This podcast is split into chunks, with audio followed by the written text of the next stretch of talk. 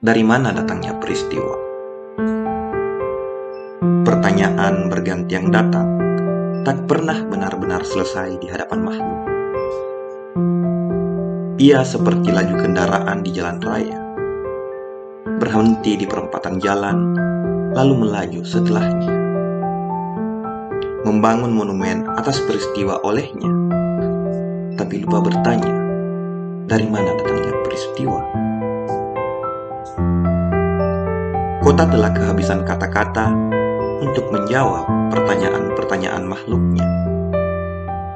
Sebab kata-kata ajak bertanya, mengapa kota tak pernah terlelap di waktu gelap?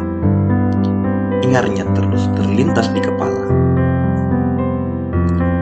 Remang jalan menyembunyikan kau darinya. Ia kutukan. Ia membenci dirinya yang lain. Lalu pada bagian mana akhirnya kau mensiasati peristiwa yang kerap kau temui selepas bergegas dari satu persinggahan ke persinggahan lain, dari satu ruang ke ruang yang lain. Tidak ada tempat di kota ini untuk bersembunyi.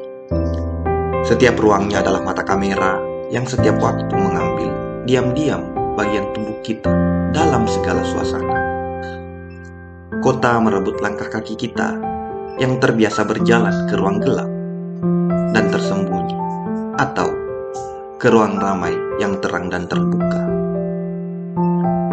Orang-orang di kota kerap menangkap dirinya sendiri dengan mata kamera di tangannya, lalu bertanya, "Tangkapan ini untuk apa pada akhirnya?" Makassar 2021